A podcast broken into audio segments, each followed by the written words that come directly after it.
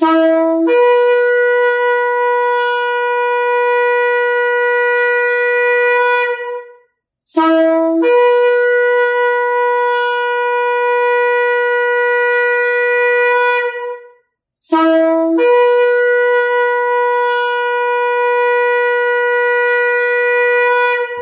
RPK yang dikasih Tuhan di mana pun Anda berada.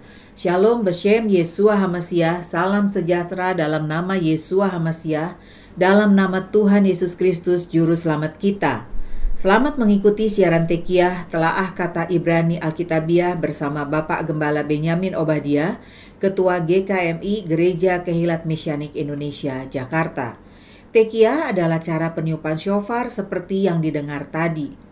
Siaran Tekiah dimaksudkan untuk menggali kebenaran Alkitab dari bahasa dan masyarakat Ibrani yang menjadi persemaian tumbuhnya iman Kristiani kita yang berasal dari tanah perjanjian Israel di Timur Tengah.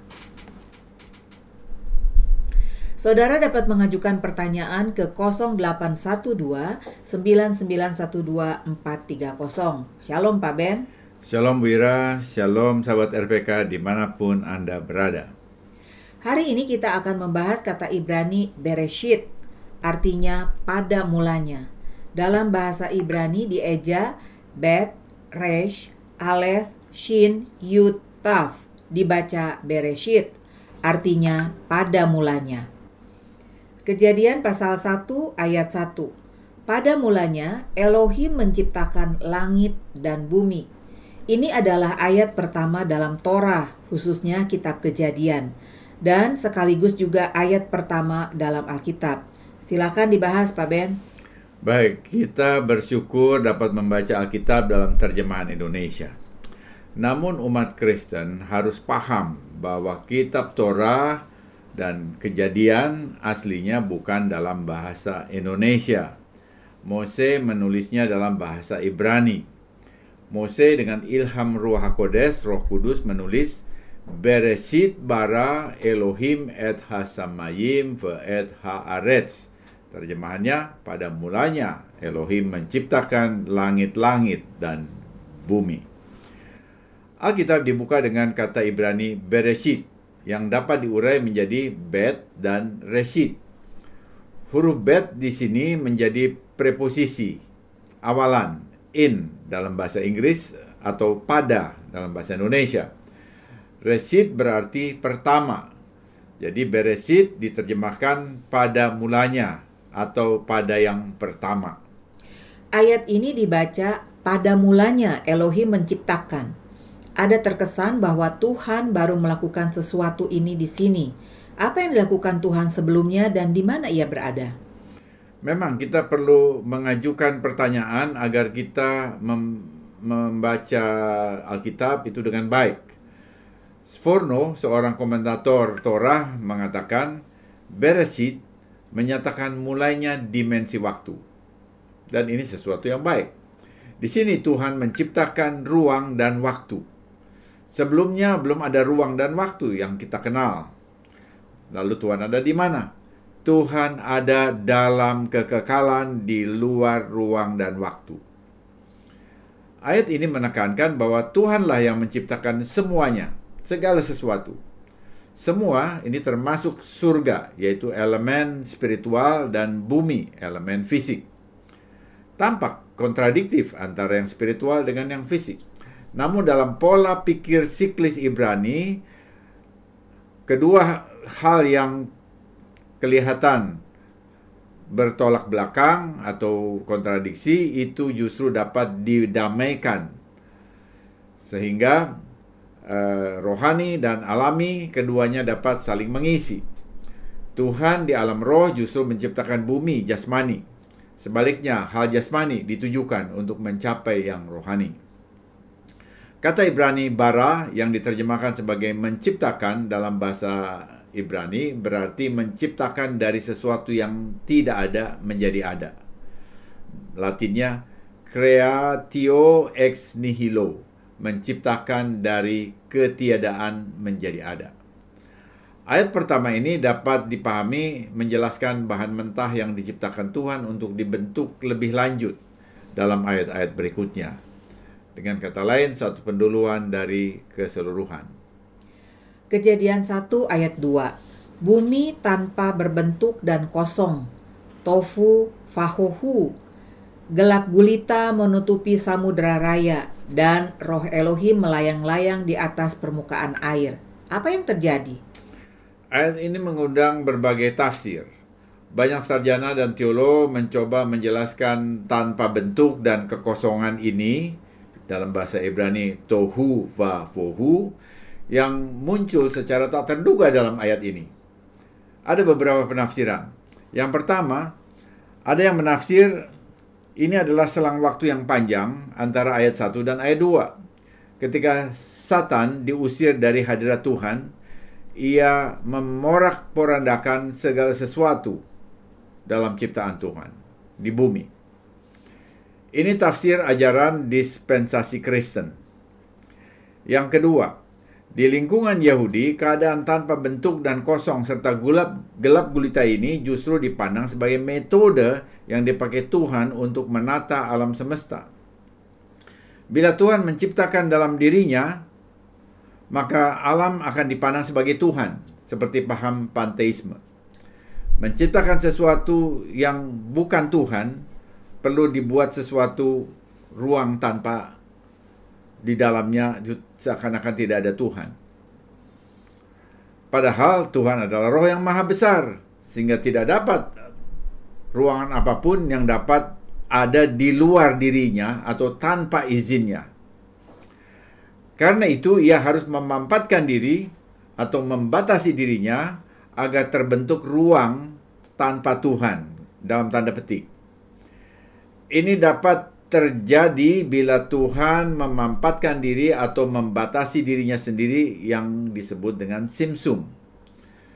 Demikian rupa sehingga terbentuk ruang kosong tanpa bentuk dan gelap yang dicatat sebagai tohu vavohu dalam kejadian 1 ayat 2. Di atas kekosongan dan chaos ini, satu keadaan yang kemelut, ia menata alam semesta sesuai dengan kehendaknya. Penjelasan dari para bijak Israel menarik. Pelajaran apa yang bisa kita petik? Tuhan dapat memakai sesuatu masalah atau keadaan yang mencekam untuk menimbulkan kebaikan dan yang berasal daripadanya. Tohu, fafohu, tanpa bentuk dan kosong serta gelap itu dipakai sebagai alat oleh Elohim justru untuk membuat langit dan bumi yang baik. Dalam bahasa Ibrani disebut tov. Dalam masa penciptaan Tuhan menyebut tov baik adanya sebanyak tujuh kali. Ini menunjukkan bahwa setelah terjadi kemelut itu, tohu, fafohu, Tuhan melakukan satu tindakan untuk menciptakan hal-hal yang baik. Dalam sejarah dunia kita melihat hal-hal yang baik muncul dari hal-hal yang tidak baik.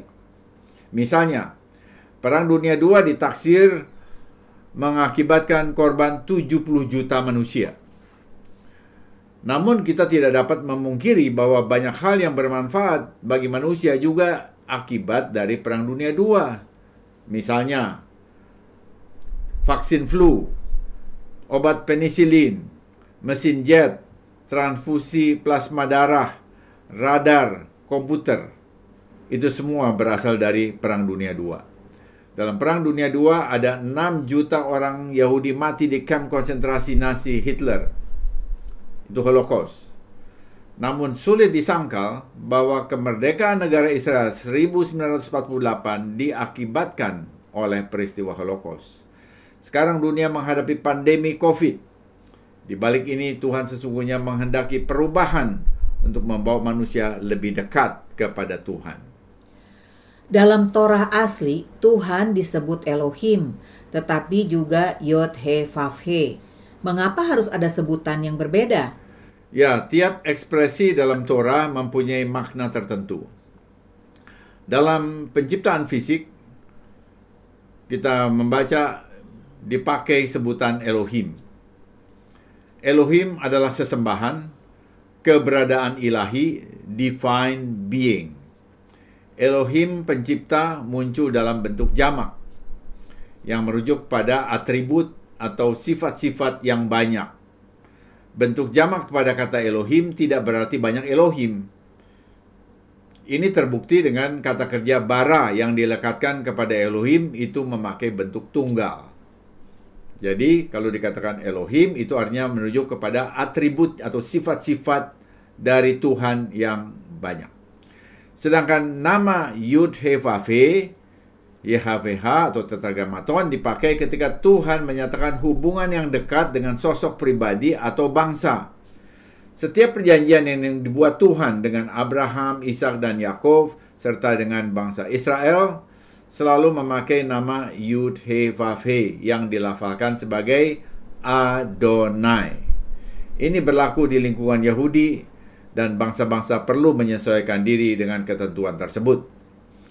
Para rabi Yahudi juga memahami bahwa nama Elohim berbicara tentang sifat-sifat Elohim yang tegas, seperti keadilan, dan penghakiman.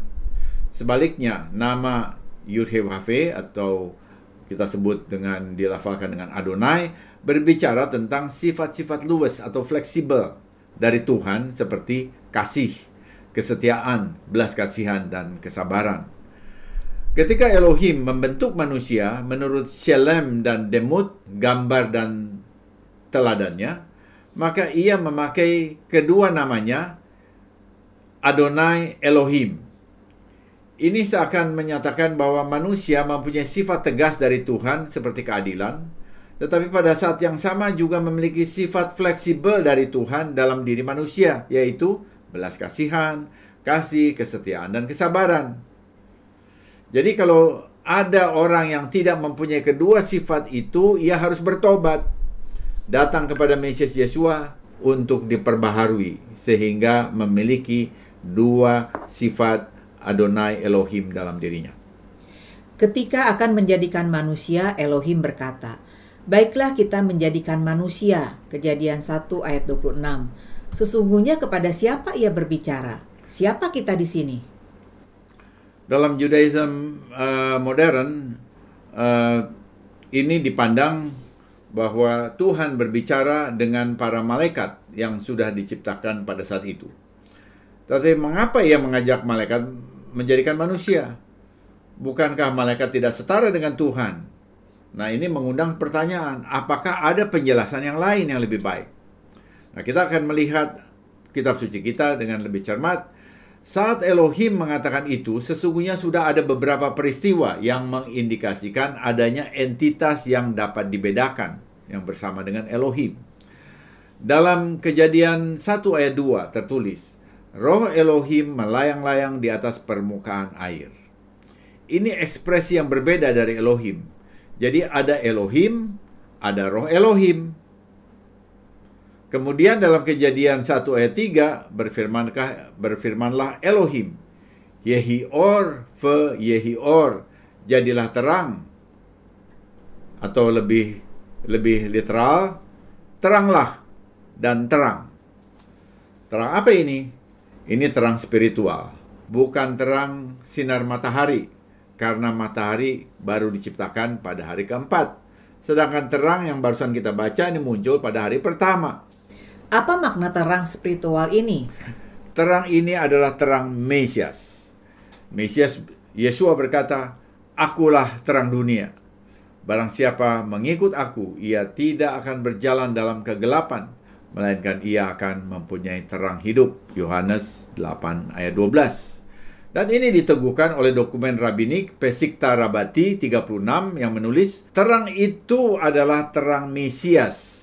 Kita lihat Injil dan dokumen rabbinik berjalan searah. Tetapi bukankah terang pada hari pertama itu diciptakan oleh Elohim? Apakah ini berarti Yesua atau Mesias diciptakan?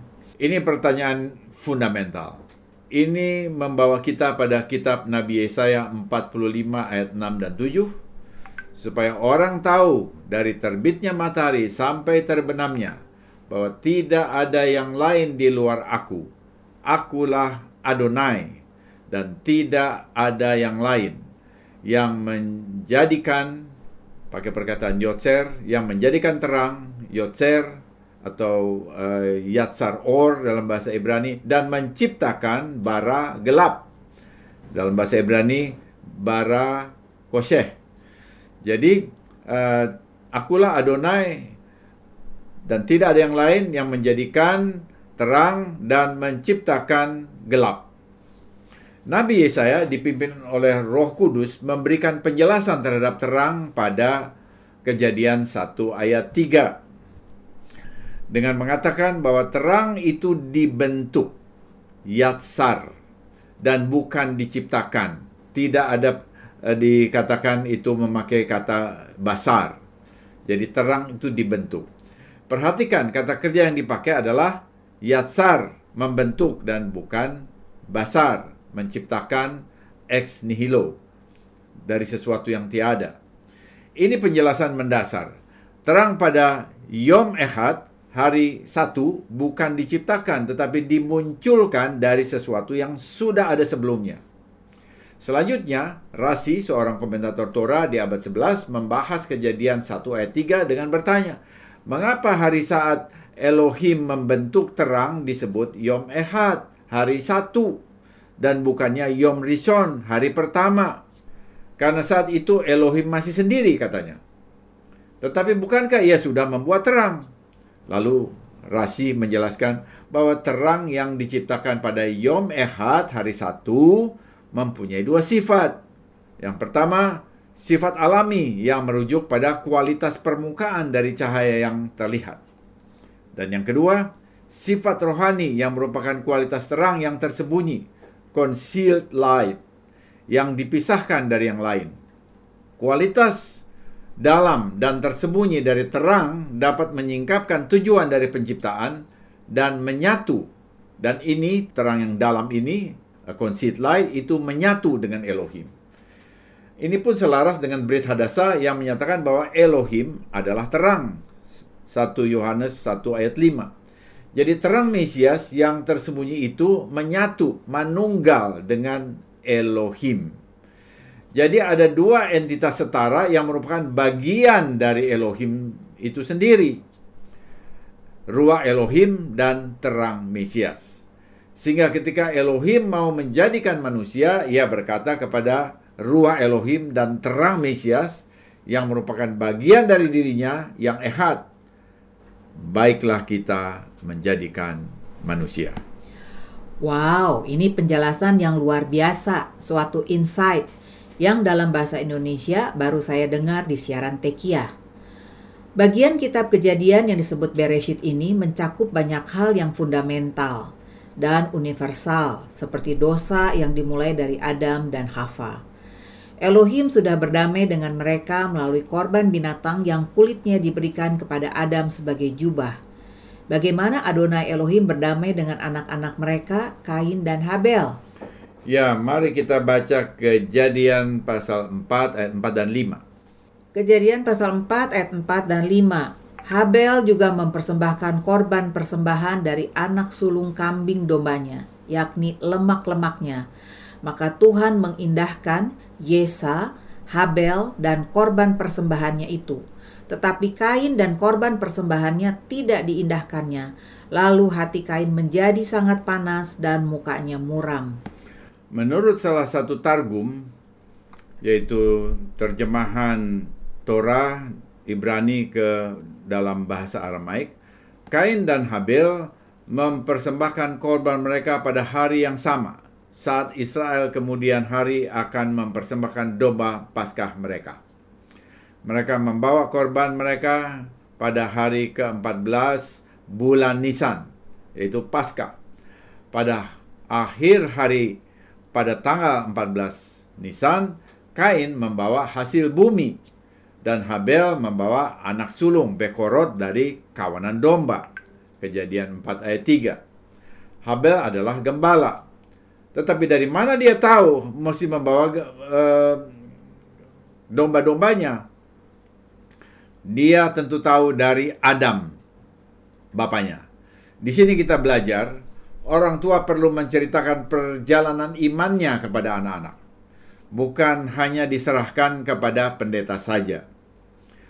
Ini penting supaya setiap keluarga dapat mewariskan tradisi iman, pengalaman iman dari generasi kepada generasi. Tuhan mengindahkan pakai perkataan bahasa Ibrani-nya Yesa. Jadi Tuhan mengindahkan Habel dan persembahannya. Kata Yesa, Yud Sin Ayin mempunyai akar kata yang sama dengan Yesua yang berarti Adonai keselamatan. Jadi di titik inilah Adonai Elohim membuat perdamaian dengan Habel. Ini gambaran korban Yesua sebagai anak domba. Kita melihat kitab kejadian sebagai kitab Torah yang pertama menulis tentang nubuat keselamatan dan pendamaian melalui Yesua Mesias yang baru datang sekitar 4000 tahun kemudian. Jelas Torah berbicara tentang Mesias Yesua seperti yang dikatakan oleh Yesua sendiri. Mose menulis tentang aku. Yohanes 5 ayat 46. Benar sekali.